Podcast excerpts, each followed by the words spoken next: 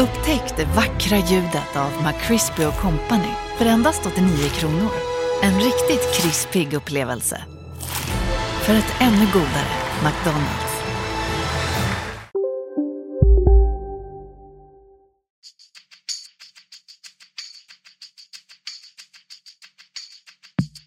Skönt att komma ut och eh, bara lukta gräset. Så det, är, det är fotboll för mig.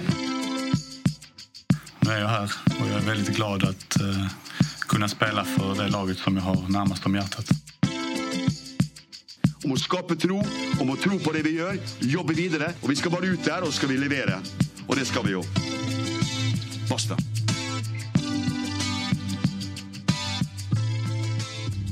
Välkomna tillbaka till MFF-podden. Det här är avsnitt nummer 236. Jag heter Fredrik Hedenskog. Jag har sällskap av Max Wiman och Fredrik Lindstrand.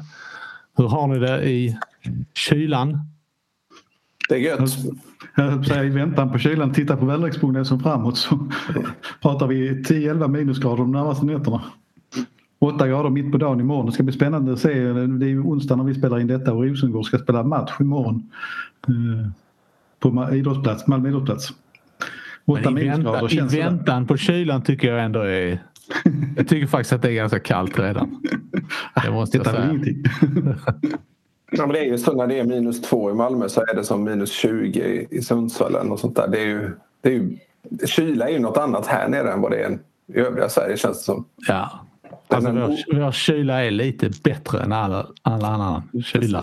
Så kallad guldkyla ska, ska vi knyta det till det vi ska prata om, fotboll och sånt, så, så är det klart att det är olyckligt att det blir en sån här vinter ett år när inga lag kan ge sig iväg på läger heller. Det, det, det, alltså, det handlar inte om att de är bortskämda, det är, inga, det är inga bra förhållanden att förbereda sig i om det är väldigt kallt naturligtvis.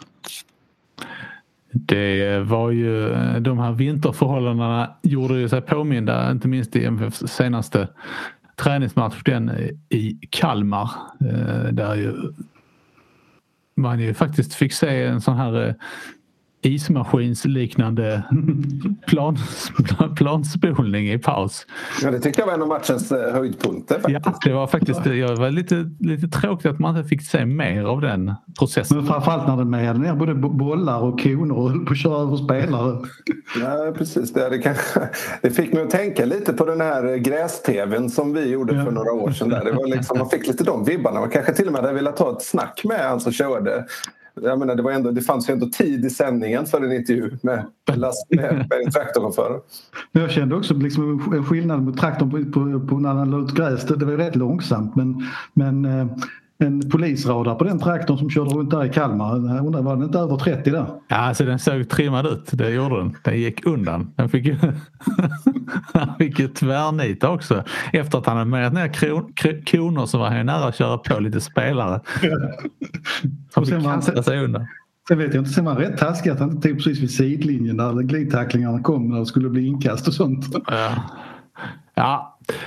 Um, som du var inne på Fredrik så hade det funnits tid i sändningen för att uh, intervjua uh, traktor, traktormannen. Uh, två gånger 60 minuter eller 45, två gånger 45 plus 15 som det ju var med en liten paus där. Mm. Det, efter det kunde man konstatera att det är skönt att fotbollen inte spelar två gånger 60 i vanliga fall. Därför att det, det fanns longörer i den här matchen. Ja, det var liksom som någon slags mastodontmatch. Det var liksom inte så att...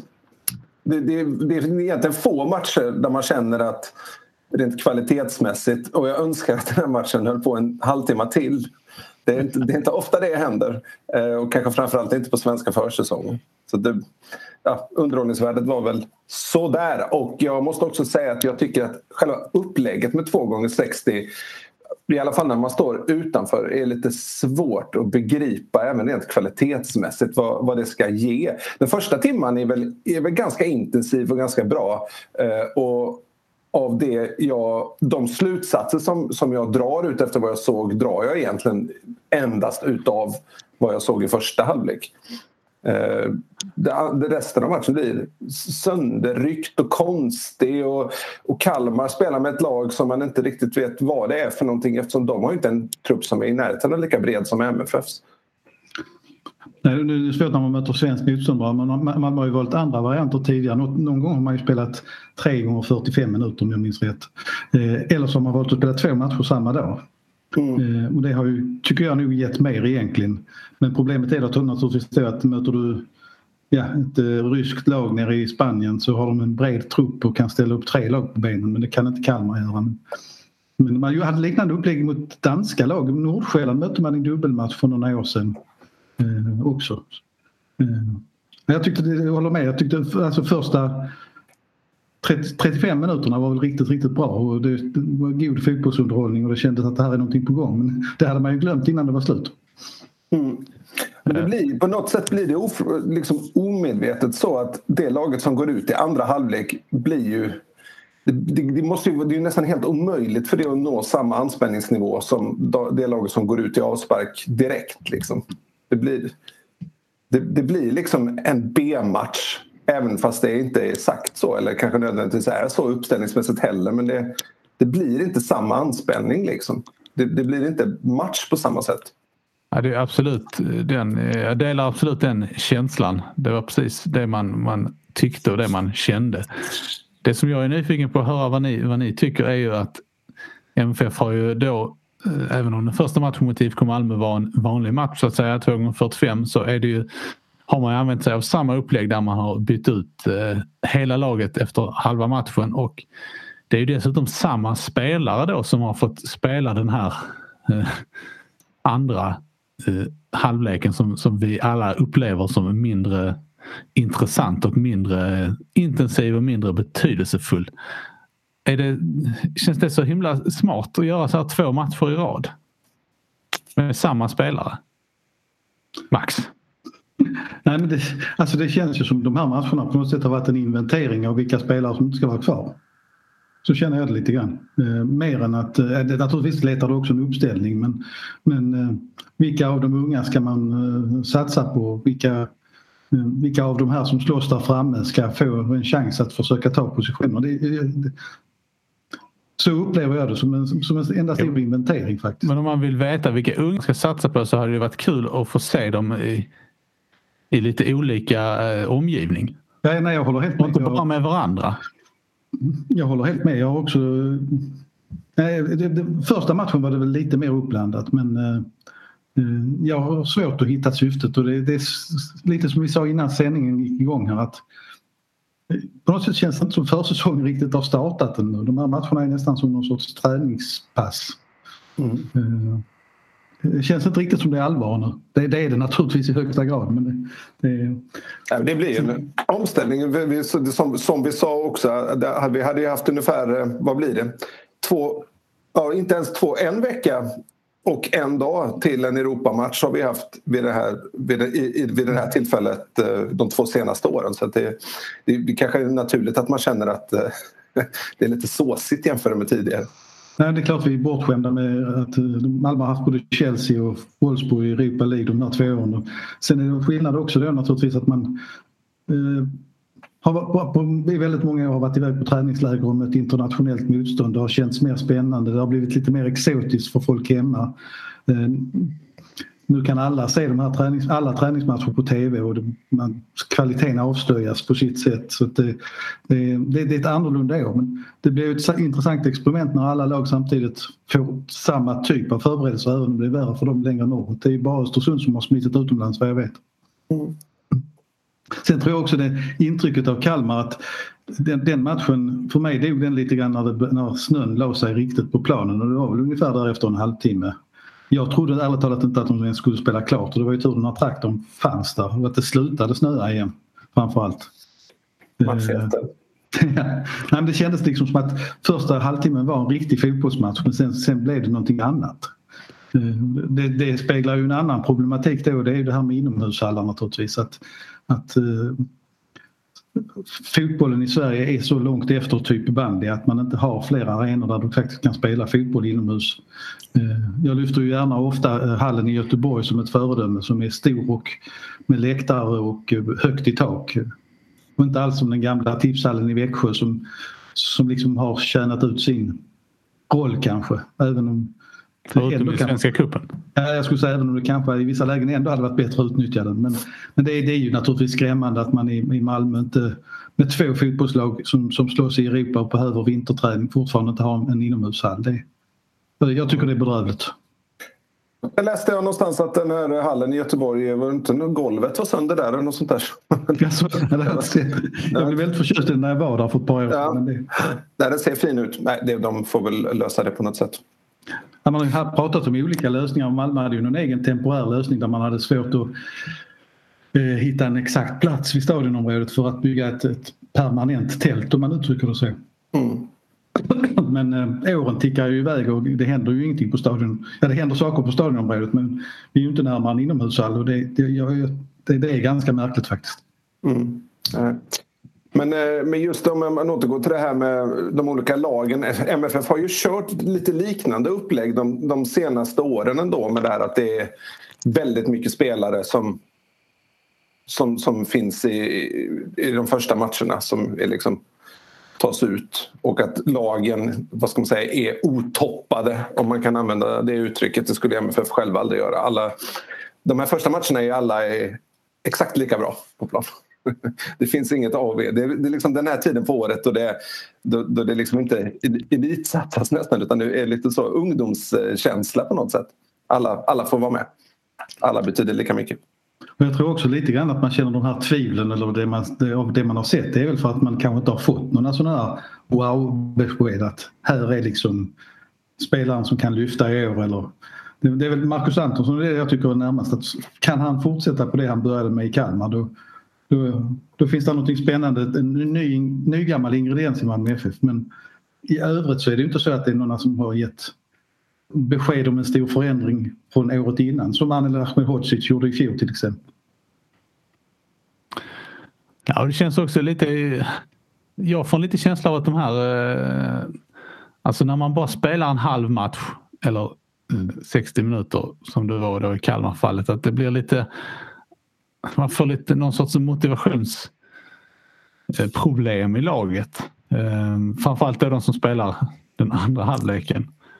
Ehm, alltså, det, det kan inte vara lätt att, att försöka bevisa sig eh, när, man, när man vet att, att det här, vi ska liksom in och, och spela av matchen i princip. Både, alltså både mot IFK Malmö och Kalmar så, så var det ju, såg det ungefär likadant ut i det som då var andra halvlek. Det vill säga att, att första 10-15 minuterna kanske så, så hände det lite grejer från MFFs sida. Sen så var det slut. Jag tror också det, att man ska kanske inte dra för stora växlar av det heller. Det känns som att MFF också de senaste säsongerna, nu har det lite att göra med Europaspelet också som har pockat på uppmärksamhet när kuppen varit igång. Men man, i, när vi spelar in det här så är det två månader kvar till att allsvenskan ska dra igång. Det, är också, det blir en väldigt, väldigt lång säsong om man ska börja liksom satsa, fokusera på en elva i det här skedet.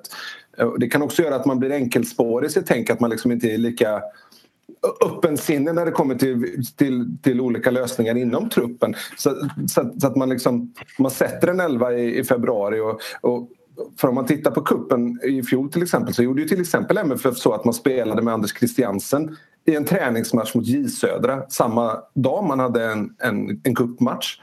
Alltså, så att kuppens gruppspel är lite vad... Det, det är inte så att MFF går in 100% för det. Nej, det menar jag inte. Det är mer liksom... Eh, det som jag har lite svårt för är ju att, att upplägget i de här två matcherna mot IFK Malmö och Kalmar var liksom i princip identiskt. Det är mer det som jag tycker är varför? Jag förstår inte det. Det är där man hade kunnat blanda lite mer. Det är, där Malmö har ändrat eh, filosofi lite grann de senaste åren därför att under Hareide och även lite därefter så var det ju snarare så att då satte man en startelva väldigt tidigt. Nu vet jag att jag kritiserat då kändes det som att vissa spelare liksom aldrig fick chansen överhuvudtaget. Eh, men det är möjligt som du säger Fredrik att man kunde haft två olika angreppspunkter på de här matcherna. Det, det, ja, det, det är svårt att veta exakt vad det rör sig i huvudet på. Jag tänker också det här. Det, det, finns ju naturligtvis det här att man valde att spela 45 minuter och sen ha en paus och sen spela sista 15. Det handlar ju om någon sorts fysisk grej att Eh, fotbollsspelare är vana att spela 45 minuter men det hackade ju också sönder liksom. Den sista kvarten blev inte på riktigt tyckte jag. Inte i någon av matcherna. Den blev den liksom mest meningslösa. Eh, och i den, kylan, och den kylan så vet jag inte om det var så smart att ha det här breaket heller egentligen.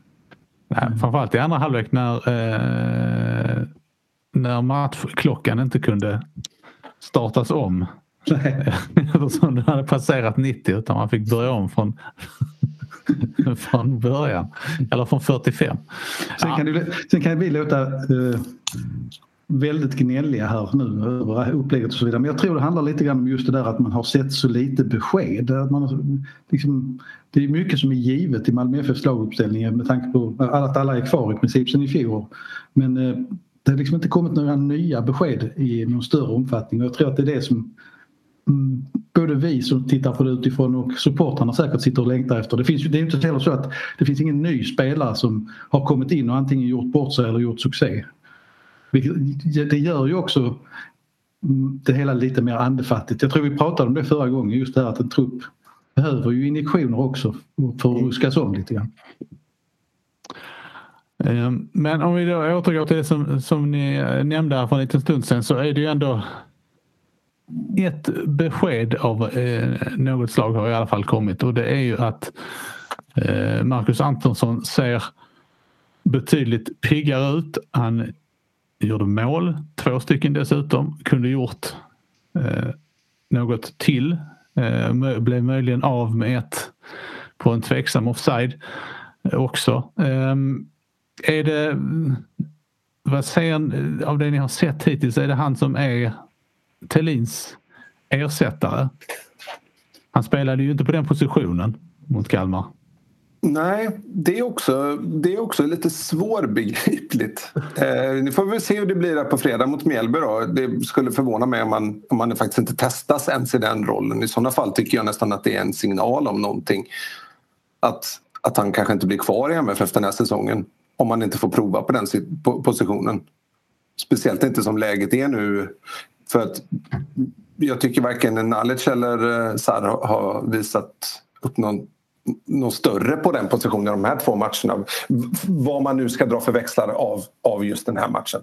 Men jag, jag vet, ersättare är väldigt svårt att säga. Det är ju en helt annan spelare. Men jag är övertygad om att, och det har jag sagt tidigare också, så jag var lite nöjd när Antonsson gjorde två mål. Men att är det någon som kan göra lika många allsvenska mål som Isak Gestelin i MFF-truppen nu, eller kanske till och med ännu fler, då är det Marcus Antonsson. Eh, Sen så är det ju frågan om man kan göra det, göra det i rådande spel i MFF eller, eller, om, eller om hur han kommer påverka omgivningen. Att, han, att, att MFF inte har samma fasta uppspelspunkt. Kommer laget behöva göra om sitt spel mycket? Kommer det, där, kommer det då hacka? Eller är Antonsson så pass... Vi kanske underskattar även de förmågorna hos honom. Vi har ju trots allt sett honom väldigt, väldigt lite i den rollen. Liksom. Det kan hända att han har ett ganska bra uppspels... Eh, eller liksom ett mottagningsspel där. För att det blir lite som att man... Han underskattas lite. Det, han har trots att det inte varit... Han har haft en svag höst den sista med Rössler och eh, under Jon Dahl Tomasson har han egentligen inte fått chansen alls. I alla fall inte den rollen han trivs med. Han inledde visst förvisso säsong, förra säsongen på en kant men det är ju inte där han ska spela. Liksom. Så det har inte kunnat göra sig riktigt rättvisa. Jag tycker hela det här spelet, om det nu är ett spel rent av, runt den här positionen som det har blivit mycket snack om, vem som ska spela längst fram så Alltså Amin Sarr, vi pratade väl om honom förra gången, han, han är ju otroligt lovande men jag är lite rädd att man håller på att spela bort honom lite grann samtidigt om man satsar på honom så hårt i en roll där han faktiskt inte har lyckats ännu. Eh, han har inte gjort, han gjorde ju inte mycket mål i fjol, det var något enstaka mål utan han var väldigt snabb och väldigt effektiv på kanten och det fanns en stor, eller finns en enormt stor potential där. Men att ta över den platsen längst fram tycker inte jag han känns mogen för. Eh, det vi har sett nu och det vi såg i höstas. Och Adi Nalic är en väldigt ojämn spelare eh, med, där genombrottet kan komma precis när som helst. Men är han den? Är inte han en spelare som också, jag tror Fredrik var inne på det förra gången, ska ligga lite bakom? Eh, så, spelar Jon Dahl Tomasson två spelare där framme för att han behöver få in en tredje utifrån eller vad, vad är det som händer? Jag vet inte. Det, det, det, jag tycker inte det känns som man har kommit närmare den lösningen på något sätt. Och som Fredrik säger så är det, får inte Antonsson chansen längst fram nu då, då är det precis som man har bestämt sig att det ska vara Nalic eller Sar som ska vara där. Och, eh, alternativt är att det ska komma in någon utifrån. Mm. Det, det, det, det, känns eh, som sagt i och med att med all respekt att man inte vill prata om så för mycket om sådana här saker men, men Jonald Thomasson är ju inte han bjuder ju inte på den diskussionen heller vad jag förstår. Liksom att, hur man innerst inne tänker, vad är det man söker, vad är det man vill ha. Eh, där mm. kunde ju en sån som Åge Hareide vara mycket tydligare i, i sitt sätt att tänka. Mm. Nej, det är svårt att förstå varför det är så känsligt att, att, prata om egentligen men eh, det, det blir, nu blir det ju också, vi är i en situation där, vi inte, där man inte liksom har tillgång efter, tränar, efter träningar till att prata på samma sätt och då dyker inte de här spontana samtalen upp. Sen så, sen så gillar Donald Thomasson de spontana samtalen på samma sätt som Hareide gjorde. Det kändes ju nästan som att Hareide hade blivit tränare just för de här spontana samtalen. Jag gillar att stå och gaffla fotboll helt enkelt. Liksom. Det, det, det, de äger ju inte rum längre och det har ju egentligen mest med coronapandemin att göra och sen i andra hand av att MFF inte längre är lika bjussiga på, den, på, den, på det viset. Då. Men... Nej, vi har ju med oss coronapandemin då från, ända från ett år sedan nu tillbaka så vi har inte sett mycket träningar i fjol heller. Man, man, man har inte samma insyn som man hade för några år sedan av det skälet. Det är inte bara så att MFF har stängt ner fler träningar utan det är, det är ju situationen som har gjort det. Mm, mm. Men det, det, det för varje dag som tickar på så undrar man ju lite grann över hur lösningen ska se ut där framme. Det är ingen tvekan om det. Mm. Nej men precis, och jag, det är liksom, om Antonsson inte får chansen där centralt så är, då är det ju en, en signal som, som är svårt att tolka på något annat sätt än att Jon Thomasson inte tror på honom. För Alltså, någonstans, om man har visat framfötterna i två matcher och säger det här, jag, vill, jag, ska, jag ska verkligen bevisa att det här är positionen jag vill spela på. Man kan inte göra det så mycket tydligare än vad Antonsson har gjort. Han ser ju hungrig ut liksom och, och verkar ha en gryende form. Och, och, om man då inte får chansen på den positionen så ja, då säger det ju någonting. Sen, sen, kan man ju förstås ifrågasätta om Antonsson är han rätt eh, eh, anfallare för Malmö FF i, i ett Europakval så att säga på den positionen. Och, det, det, ju, det, går ju att ha den invändningen samtidigt, samtidigt tycker jag också att Antonsson faktiskt har visat mer för Malmö FF i Europa eh, framförallt då 2018 än vad, än vad Thelin gjorde 2020 om man ska dra det till sin spets så att säga. Eh, så att det, han har ett internationellt facit som är helt hyggligt han har gjort sina Europamål och gjort bra Europamatcher. Det, det ska man inte glömma tycker jag. Sen finns det ju ett spel bakom allt det här. Nu tror jag inte MFF, MFF har ju pengar i kassan och vet väl att om inte Arnel blir skadad så kommer man att sälja honom för stora pengar. Men det kan ju finnas ekonomisk bakgrund i att man inte har värvat i vinter. Att, man, att det är någon sorts försiktighetsprincip som får råda under våren. Det, det får man ju ha respekt för. Om Malmö tror att de klarar cup och eh, allsvenska med den trupp som faktiskt i princip tog till mm, guld. Så det är inte så konstigt att man har, har förtroende för dem. Absolut inte det. Men... Den har MFF rent, om man ska värva den typen av anfallare då hamnat i, det har vi också varit inne i, hamnat i någon slags limbo värvningsmässigt för att man vill värva om det bara handlar om att allsvenska klubbar var ute efter en bra anfallare om man bara hade dem att mäta sig mot så skulle MFF vinna för de har starkaste ekonomiska muskler och kan erbjuda det bästa paketet så att säga med Europaspel och, och det, det, är också tydligt att här är, här är en klubb du kan visa upp dig, lyckas i och komma vidare ut.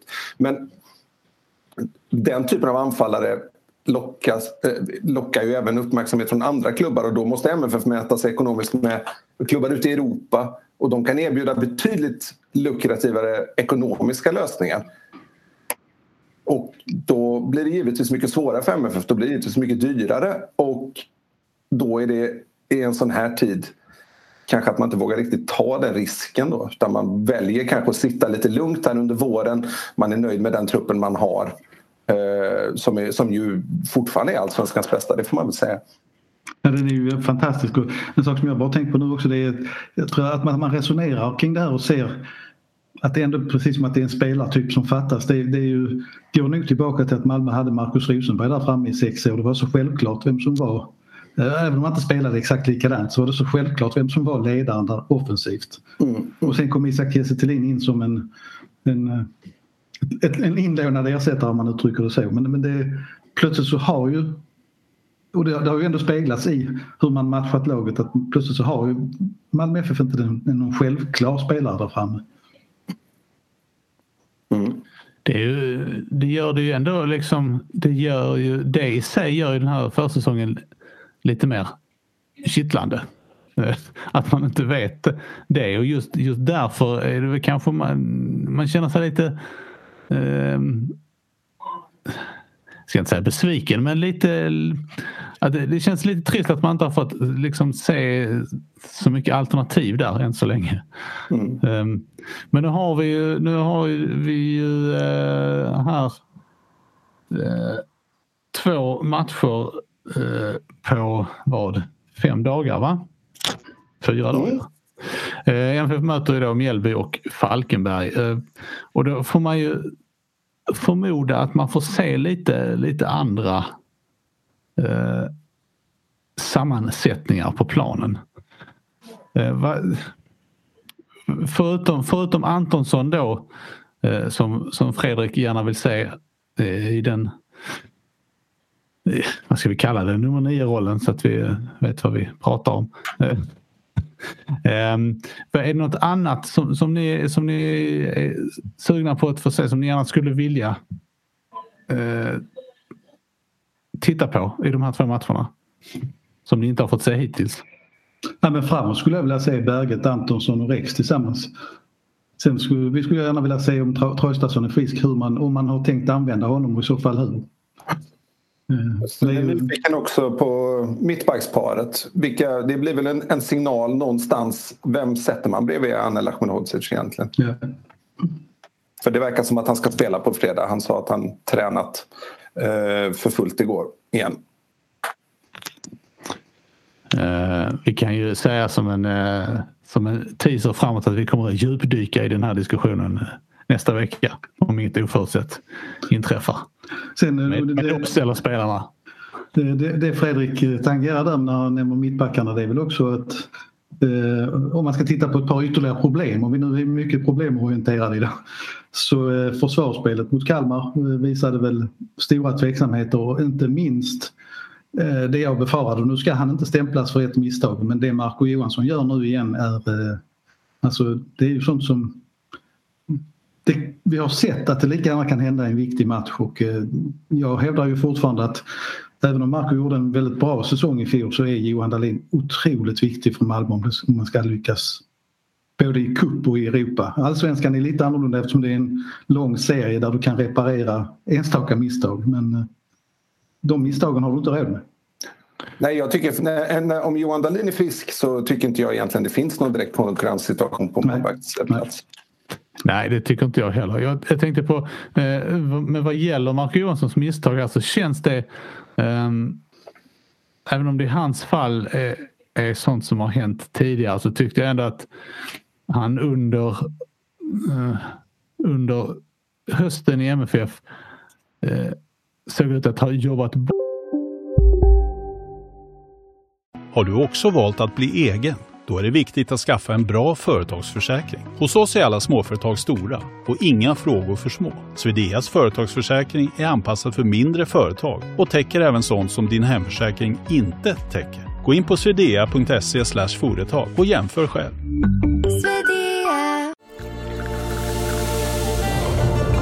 Välkommen till Maccafé på utvalda McDonalds restauranger med Baristakaffe till rimligt pris. Vad sägs om en latte eller cappuccino för bara 35 kronor? Alltid gjorda av våra utbildade baristor.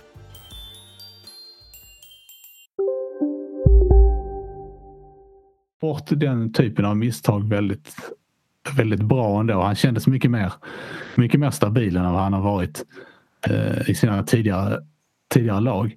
Men det som jag kände var ju att, att det, här, det, det misstaget liksom det stundtals ganska eh, slapphänta försvarsspelet. Det är ju sånt man får på köpet när man, när man matchar laget på det här viset. Alltså det är klart att, det är klart att Marco Johansson inte är eh, supertaggad när han vet att han ska in och spela en halvlek i andra uppställningen. Likadant eh, de som spelar i första halvlek. Alltså man vet, man går in och spelar, ja men jag, jag ska bara spela en halv match det är en oerhört tydlig signal om att det här är, en, det här är i princip en träning. Mm. Alltså det blir ju jättesvårt att få upp eh, alltså svårt att dra några liksom växlar på, på saker och ting eftersom man signalerar så tydligt till spelarna att, att den här matchen är eh, väldigt eh, alltså, den, är så långt, den är så lågprioriterad så att det är i princip som en träning. Det är den känslan jag får. Jag vet inte om jag minns fel just då det gäller målvaktsfrågan nu men Malmö har ju varit rätt ovilliga att, by, att inte köra första målvakten i träningsmatcherna på försäsongen om jag minns rätt. Eh, det har väl varit någon enstaka match man har delat på ansvaret men man har varit rätt tydliga med att målvakten är, det ska vara den som står. Mm. Det, det är ju en bit av det hela. Men du har sagt en poäng i, i, i resonemanget runt det. Det är någonting, alltså Marco gjorde ju jättestora framsteg under hösten. Det, det är klart att han var en, även under våren där han stod i Mjällby. Men jag tror bara att ibland har tankegångarna gått lite för långt. För det är precis som du säger att eh, är Johan Dahlin frisk då är han MFFs första målvakt alla dagar i veckan. Den som tror något annat eh, tror jag inte riktigt liksom har hittat balansen i hur det, hur det ser ut i trupp. Mm, mm. Sen så är det, men nu ska man ju inte måla fan på väggen här men just det här darrigheten bakåt. Eh, det ska ju sägas att alla mittbackar i Malmö FF är på väg bort i varierande grad. Anel troligtvis till sommaren, eller kanske inte bara troligtvis, nästan, nästan säkert får man väl säga. Eh, Rasmus Bengtsson är väl på väg bort när som helst.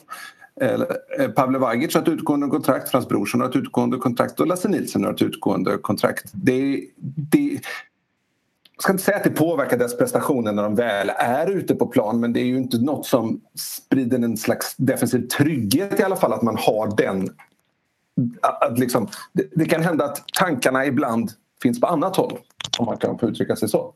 Ja, nu är det ju professionella spelare förstås så jag ska liksom inte säga att de springer runt och tänker på andra kontrakt men jag menar mycket, mycket för att prestera, prestera på topp så handlar det mycket om att man är trygg och lugn och harmonisk och så vidare. Det, nu är det ju en liten osäker sits där i mittförsvaret. Och det är lite samma förhållande egentligen som när vi pratar om det här med den centrala anfallaren. Att, eh, normala år så har man väl vetat efter två träningsmatcher vilket som är mittbacksparet. Mm. Men det är bara... bara... Vi kanske får vänta till efter fyra matcher denna gången då. Ja, vi får kanske göra det. Därför blir de här två matcherna väldigt spännande. Så är det ju. Eller egentligen de tre följande eftersom du har först två träningsmatcher och sen då första cupmatchen. Mm. Eh, då, då, måste ju ett lag sitta och det, jag menar, alltså, som vanligt, vi sitter ju utanför. Jon Dahl Tomasson har kanske allting mycket mer klart för sig än vad vi anar. Men, men vi, eftersom vi är läm, uteläm, vi hamnar ju i situationen att vi måste spekulera gillar vi.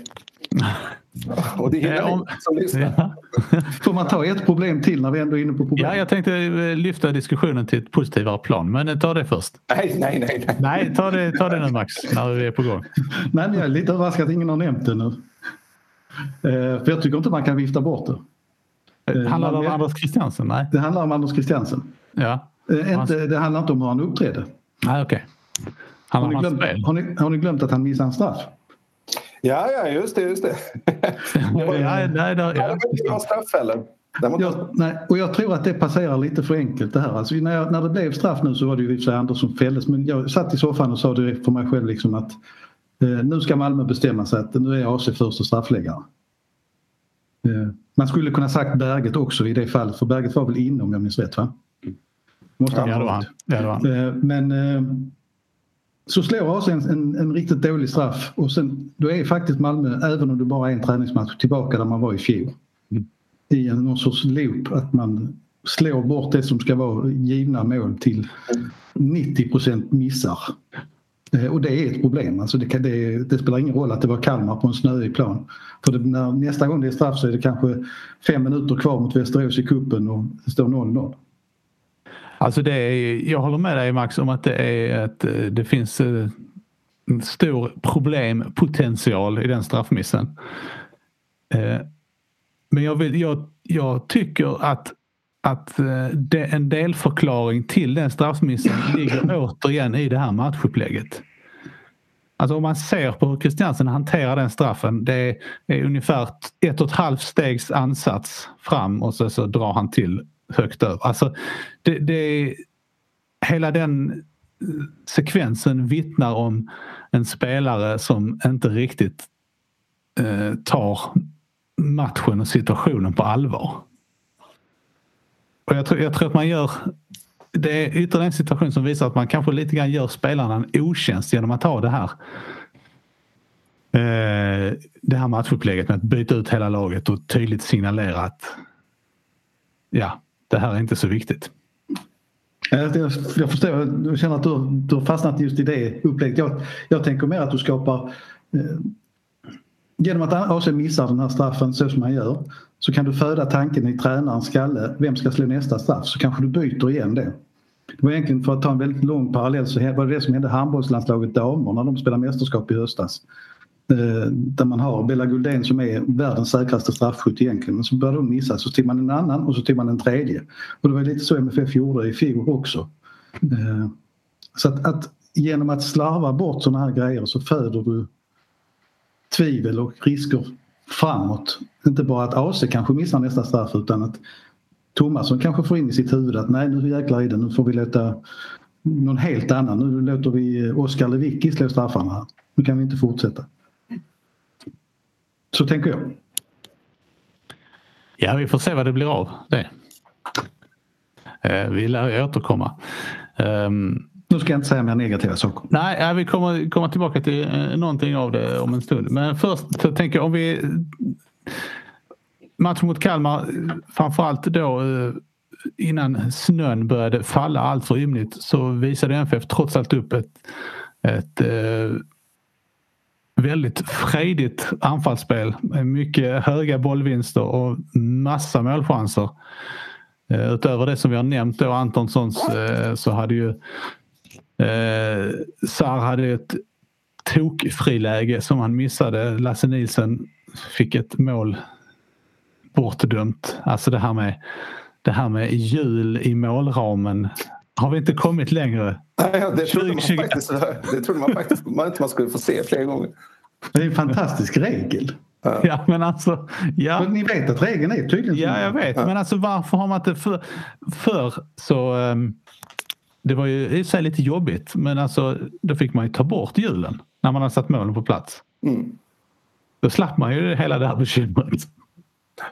Ja, ja eh, men i alla fall. Eh, det, det, som, det, som, eh, det som ni såg av MFFs anfallsspel, vad, vad, vad var det som var bra? Ja, det var just det du sa. Okej, okay, då går vi vidare. Nej, men det var Pressen och rörligheten tyckte jag var imponerande. Ja, jag, tycker liksom, jag fick den känslan av att wow, ja, men Malmö har tagit ett steg ytterligare från förra säsongen. Det här ser riktigt, riktigt bra ut. Det här är rörligt och eh, samordnat och koordinerat och allt vad ni vill. Eh, så det var liksom min tanke att wow, det här nu... nu... Mm. Det har väl eh, Jon Dahl Tomasson också pekat på som en förbättringsmöjlighet, pressen, att den kan bli ännu bättre, ännu mer vältajmad.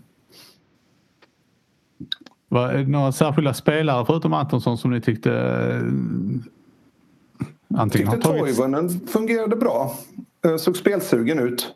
Det är inte alltid en 35-årig, eh, snart 35-årig hemvändare på en snötung plan, Gastens IP i östra Småland, liksom kan, kan visa upp det spelet. Många okay. gånger är ju den typen av spelare ganska ointresserade fram till några veckor inför seriestart. Men ser motiverad ut tycker jag. När du säger den typen av spelare, menar du då egentligen Markus Rosenberg? jag skulle säga det. det, kanske, det kanske var så. Han hade inte åkt med den bussen till Kalmar, det kan jag säga. Nej, lite så. Ja, men tog, Nej, han, kanske sugen, han kanske är sugen på en svensk försäsong. Det var ett tag sedan. Ja, gud vad hemskt det var i Australien vid den här tiden av året. Ja. Nej, det var så varmt så de kunde inte vara ute. Nej, precis. Så um, överallt. Mm. Nej, men jag, tyckte, jag tyckte det inte var så mycket individer för mig utan det var mer liksom maskineriet som taggade i vartannat. Uh, när det gäller pressspelet så, så funkar det ju väldigt väl. Jag känner ju bara lite tvivel även där vad det gäller om Nalic uh, eller Sarri rätt spelare att, att leda pressen längst fram. Men det, det, det är mycket möjligt att jag har helt fel. Men, men annars tyckte jag det var just, just att det kändes som en tråd som höll ihop hela laget. Det, det, jaha, det är så här de ska spela. Lite aha-upplevelse. Mm. Och Antonsson var ju som sagt, det, var, alltså det, är en, det, det är två riktiga Antonsson-mål. Han skapar flera lägen, han är på hugget, han springer och löper och finns i position. Och det var väldigt roligt att se honom. Kanske är ju i och för sig den enda nackdelen med hans match som man skulle säga att han faktiskt borde att han borde ha gjort två mål till. För hans problem, om man kan säga senaste gången, är att han inte riktigt tagit vara på chanserna. Även förra våren i allsvenskan så kom han ju till många lägen. Det var bara att han inte gjorde mål på dem. Eh, så om, det, det kanske han, han kanske skulle gjort fyra mål.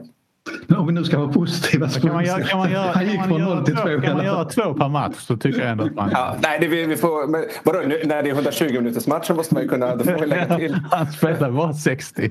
ja, jag vet. Nej, nej, man ska absolut inte klaga på det. Nej, men det, jag tror det var väldigt, väldigt, väldigt viktigt för honom att få nypa dit de bollarna. Och det var också vad ska man säga, behärskade lugna målskyttsavsnitt.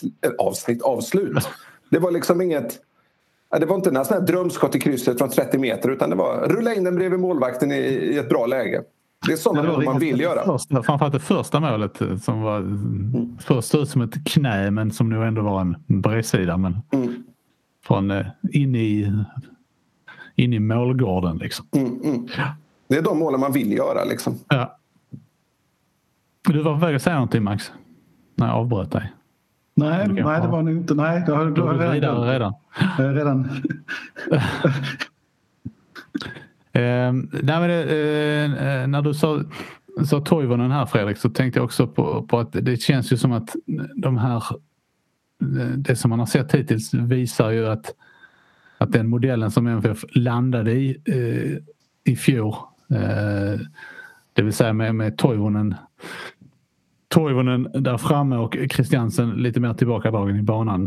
Eh, att det nog är den som, som kommer att gälla även den här säsongen. Mm. Det tror jag också.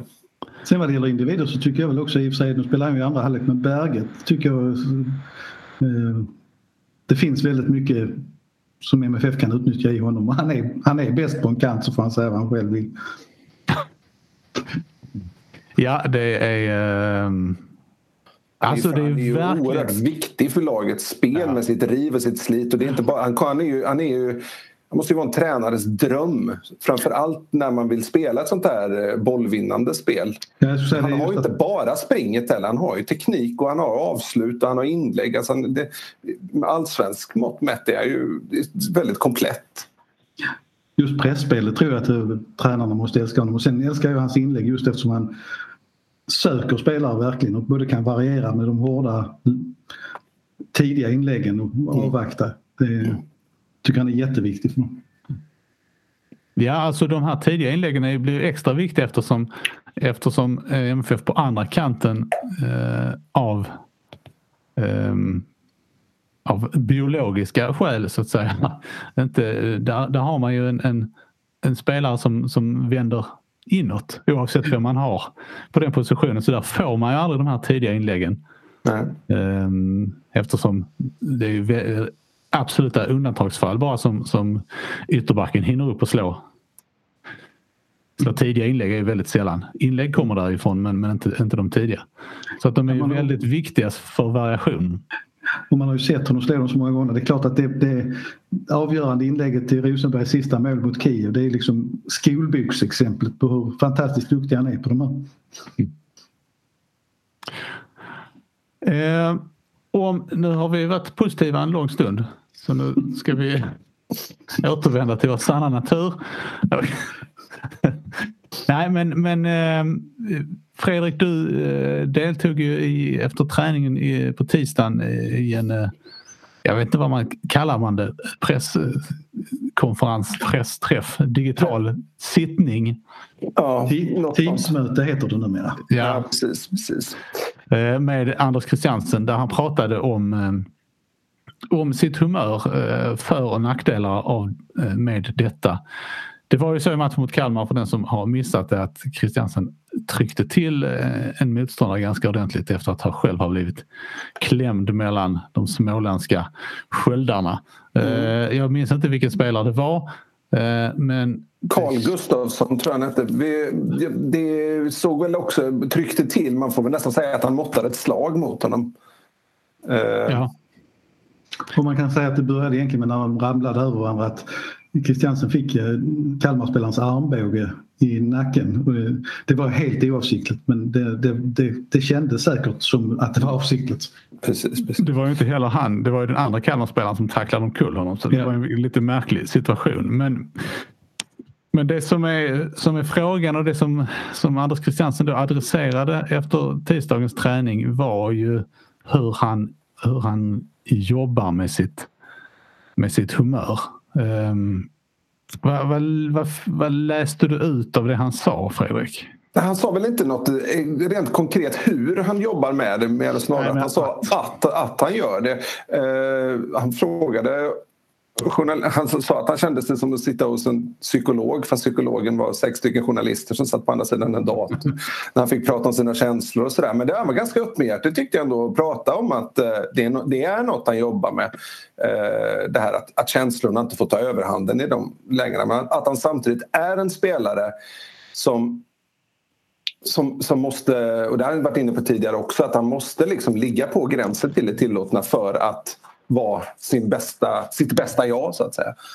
Eh, och ibland rinner det ju över och det är där han ska lära sig att och, och, och liksom att använda de här känslorna till något positivt, till en vilja och drivkraft istället för att han ska använda det till att gå och sätta en ful tackling eller något sånt där. Det, ju, det har ju hänt lite för många gånger. Liksom. Han är ju, man kan ju tycka att han borde hantera det här. Han är 30 år nu. Liksom. Det kanske är något som någon under 25 håller på med lite mer. Men han menar på att som lagkapten och stjärna i Malmö FF så får uppmärksammas allt han gör på väldigt, väldigt, väldigt mycket. Och, och liksom, det, det, blir, det blir en annan press för honom helt enkelt. Och det är någonstans där det bottnar i att det rinner över för honom. Att, han, att anspänningsnivån är så hög så att känslorna ibland tar överhanden. Och jag, jag kan köpa det fullständigt. Liksom. Jag tror att det är väldigt svårt att sätta sig in i att, att ha Anders Christiansens roll i Malmö FF och i allsvenskan överlag. Eh, han berättar ju också att eh, motståndare provocerar honom mer ute på planen. Och så att det, det, han visste inte ifall det hade blivit en matchplan men det tycker jag man kan se många gånger att skav lite på MFF-dansken där för att han kan, det, kan, det kan tippa över för honom emellanåt. Ja, det tycker jag också har framgått ganska tydligt eh, emellanåt att, eh, att motståndarna resonerar på det viset. Men just därför så blir det ju ännu viktigare för honom att, att eh, liksom kapa, vad ska man säga, känslotopparna. Mm. Jag, jag, tror det finns, det finns ju som alltid finns det flera bitar. En, en bit är ju att under väldigt många år så avlastade Markus Rosenberg återigen där Eh, allt sånt här på planen. Han, han, han tog de här, eh, han fick smällarna och han tog smällarna och han, han var smart och delade ut dem i rätt lägen. Eh, och det är klart att trycket har, har ändrats på Anders Christiansen. Och innan man pratar om honom så tycker jag man måste prata om domarna det också faktiskt. Jag tycker att domarna har en uppgift att tydligare sätta gränser när man ser det här, eh, att en spelare utsätts för provokationer gång på gång. Mm. Kan du stoppa det tidigare så tror jag du vinner mycket. Jag tror det är dubbelbottnat med ACs eh, ålder att som 30-åring borde han bli klokare och eh, tänka efter mer. Samtidigt så är det svårare att lära en gammal hund sitta. Så att jag, jag, jag, jag tror det är lite komplicerat men det jag är rädd för det är att han skulle komma i en sits där han börjar likna Sebastian Larsson ännu mer. Eh, Sebastian Larsson är en duktig fotbollsspelare men min mardröm som på planen på hur han uppträder. Att, eh, det är mycket hack på domare och så vidare. Det är inte bara att han ska hämnas på spelare utan det är ett ständigt hackande. Eh, och där tror jag att AC måste jobba med sig själv så att han liksom inte ger sig huvudrollen där också, även om han är lagkapten. Utan det, det gäller att hitta en balans. Eh, och jag försvarar aldrig sånt. Han skulle ha åkt ut nu senast och det är kanske det effektivaste sättet att bli av med de här tendenserna. Eh, att man åker på ett par sådana smällar. Eh, han skulle definitivt åkt ut där men domarna måste också bli bättre på att stävja i tid, tycker jag. Ja, det är som, eh, det är, när du tar upp Rosenberg här Max så, så känns det ju... Det finns ju absolut likheter. Det, fanns ju också, det finns ju också skillnader. Dels så var ju Rosenberg kanske bättre på att, på att dölja vad han, vad han gjorde. Mm. Eh, och det är också lättare för en, för en anfallare. Det är fler stillastående situationer. Det blir mycket tydligare på mittfältet. Eh, eh, när sådana här saker händer.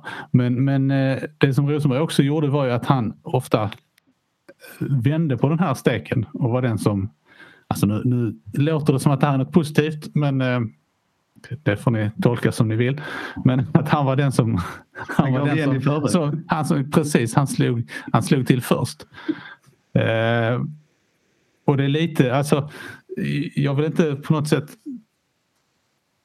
eh, alltså jag tycker att, att Christiansen har, har saker att jobba med som han, han borde kunna behärska sig bättre även om han vill ligga på den här höga anspänningsnivån. Men det finns ju också andra sätt. Det finns ju, han har ett helt lag omkring sig. Alltså om man tänker lite eh, hockey, eh, hockeymodellen så att säga. Att, att det finns du vill se en Ty Domi? Ja, eh, jag vill se Frans Brorsson slänga handskarna och kasta sig in. Nej men ja. att det finns, det finns ju liksom, det är, helt, det är, inte, det är inte bara Anders Christiansen som, som måste stå upp för Anders Christiansen. Nej, men det kommer ju också lite med lagkaptensrollen där förstås. Att det blir ofta han som gör det. Och jag tycker, ja, nej, det är ju det är jättesvårt. Och det, det är ju egentligen bara han som kan arbeta med det själv. För att det, det är svårt att utifrån att förstå vad det innebär. Men man, tycker man såg i många matcher som till exempel Hammarby borta förra året eh, när han, Aymar Cher låg något så sanslöst på Anders Christiansen. Då tror jag faktiskt Sören Rex då tror jag faktiskt Sören Rex kom till und, någon slags undsättning och fick ett gult kort för att då, då, då lackade Sören Rex ut på att uh, de gick så hårt in på Anders Christiansen. Jo men det, är också, det, det gör ju också att, att man plockar bort, eh, vad ska man säga, eh, fokuset på, på Anders Christiansens person. Mm. Då blir det liksom inte eh, det snacket om att det, att det är han som, som ger igen varenda gång. Nej. Sen, eh, eh nu svalde jag vad jag tänkte säga. Jo, eh, ja. om man tittar sen rent på spelmässigt på basis så tycker jag att eh, nu kommer han ju in i andra halvlek och när det inte var så mycket spel men det känns som att han är väldigt taggad och väldigt motiverad. Och det tycker jag är ett skönt besked för MFF att det verkar inte finnas något, någon hängande läpp över att det inte blev någon flytt till Saudiarabien i höstas. Så det är väl möjligt att den klubbens ekonomiska bekymmer kanske också har stärkt AC i att det var rätt att, att han blev kvar här hemma. Ja, alltså om det handlar just om den specifika klubben så måste det ju verkligen kännas att det blev rätt. Ja. Eh, innan vi avslutar så tänkte jag också bara att vi skulle eh, prata om det senaste avsnittet i eh, såpan Rasmus Bengtsson. Eh, som ju alltså då inte var med i truppen mot Kalmar efter vad eh, det som uppgavs vara ett vd-beslut. Och då undrar jag bara, va? Man kan väl säga att de inte eh, tidningen i det här fallet Kvällsposten eh, citerade fel och det tror jag inte att de har gjort så, så var det inte att det uppgavs vara det var ett vd-beslut. Och då, alltså väldigt, det, det, är väldigt sällan. är fortfarande va? Ja, nej, men jag tänker så här, det är, väldigt sällan MFF, någon framförallt Niklas Carlén talar så tydligt, ger ett så tydligt besked. Eh. Men är detta, upplever ni att det här är ett, ett, ett besked som, är, som har kommunicerats för att Jon Dahl Tomasson ska slippa svara på frågor om det? Eller är det, finns det något annat bakom? Vad vad är det i så fall vad? Jag har, försökt tolka, jag har försökt tolka den här situationen länge men så fort man tror att man har en ganska tydlig bild av vad som händer så dyker det upp någon ny bild. Nu senast då det här vd-beslutet. Jag vet inte riktigt. Eh, jag tycker överlag, om man bara får titta på Jon Dahl Tomassons roll i det hela. När det kommer till spelare som är någonstans i frysboxen så, så talar han inte ur skägget. Han säger inte varför han inte vill spela med dem. Han svar, I fallet Rasmus Bengtsson har han ju oftast bara svarat med en motfråga. Han gjorde ett enda undantag, det var väl med Adi Nalic förra sommaren. Då var han tydlig vad han ville se hos honom. Men sen har han ju inte sagt någonting överhuvudtaget. Och det är lite intressant, när han sa det om Adi Nalic, den effekten han fick då var ja. en heltänd Adi Nalic som faktiskt skärpte till sig och kom tillbaka som en bättre spelare. Nej, men alltså, jag tycker vi, vi har ju pratat om det här flera gånger och jag står fast vid min åsikt att, att Uh, uppenbarligen är inte Rasmus Bengtsson helt lätt att ha att göra med det här sammanhanget heller. Det, det, det, kan inte vara ens fel att det är den här situationen men det är ovärdigt Malmö FF att, att, uh, att ha den här situationen under så här lång tid. Att inte kunna till sina medlemmar och på något sätt, på ett vettigt sätt, uh, man, man kan ju inte lämna ut personliga diskussioner men liksom hitta någon väg vidare som, så, så att man får någon sorts förståelse för vad det är som händer. Mm. Det, det, det, känns, det kan inte vara bra för truppen, det kan inte vara bra för föreningen att, att, att, att ha det så här. Eh, sen som sagt, det är, inte, det är lätt att sitta bredvid och säga det men, men ehm, större problem än så här har väl Malmö FF löst. Ja, man, skulle ju också då, om det är så att det här inte längre ligger i, i Thomassons händer, då skulle man ju önska att, att Carlén kanske kunde motivera beslutet. Mm. Jag menar någonstans Rasmus har ju varit tydlig med att han, hur han upplevde situationen i höstas. Så då får ju faktiskt eh, eh, hur försiktiga man än är i personalfrågor så får ju Malmö FF tydliggöra sin ståndpunkt vad det är som händer och sker. Det, mm. det, det, det, ja. Jag tycker fortfarande det som Rasmus Bengtsson sa var så farligt. Jag, jag tycker bara det, var, det, det, måste man ju kunna ta att en spelare är frustrerad. Det är väl inte så pass högt i tak är det väl ändå?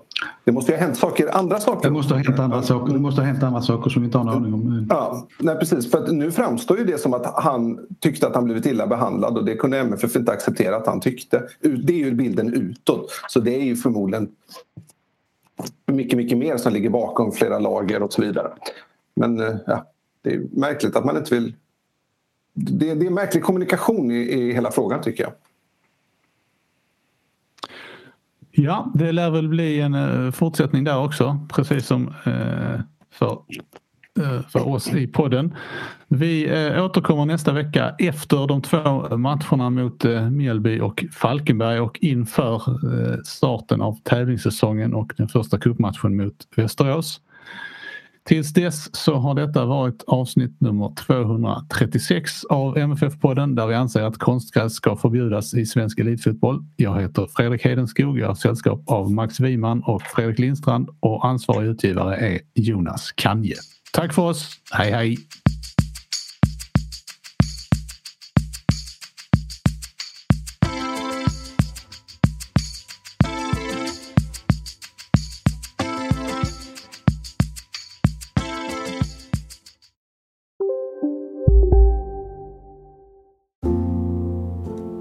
Små tassar flytta in hos dig. Hos Trygg Hansa får din valp eller kattunge 25% rabatt på försäkringen första året. Läs mer och teckna djurförsäkringen på trygghansa.se. Trygg Hansa, trygghet för livet. Hej Sverige! Apoteket finns här för dig och alla du tycker om. Nu hittar du extra bra pris på massor av produkter hos oss.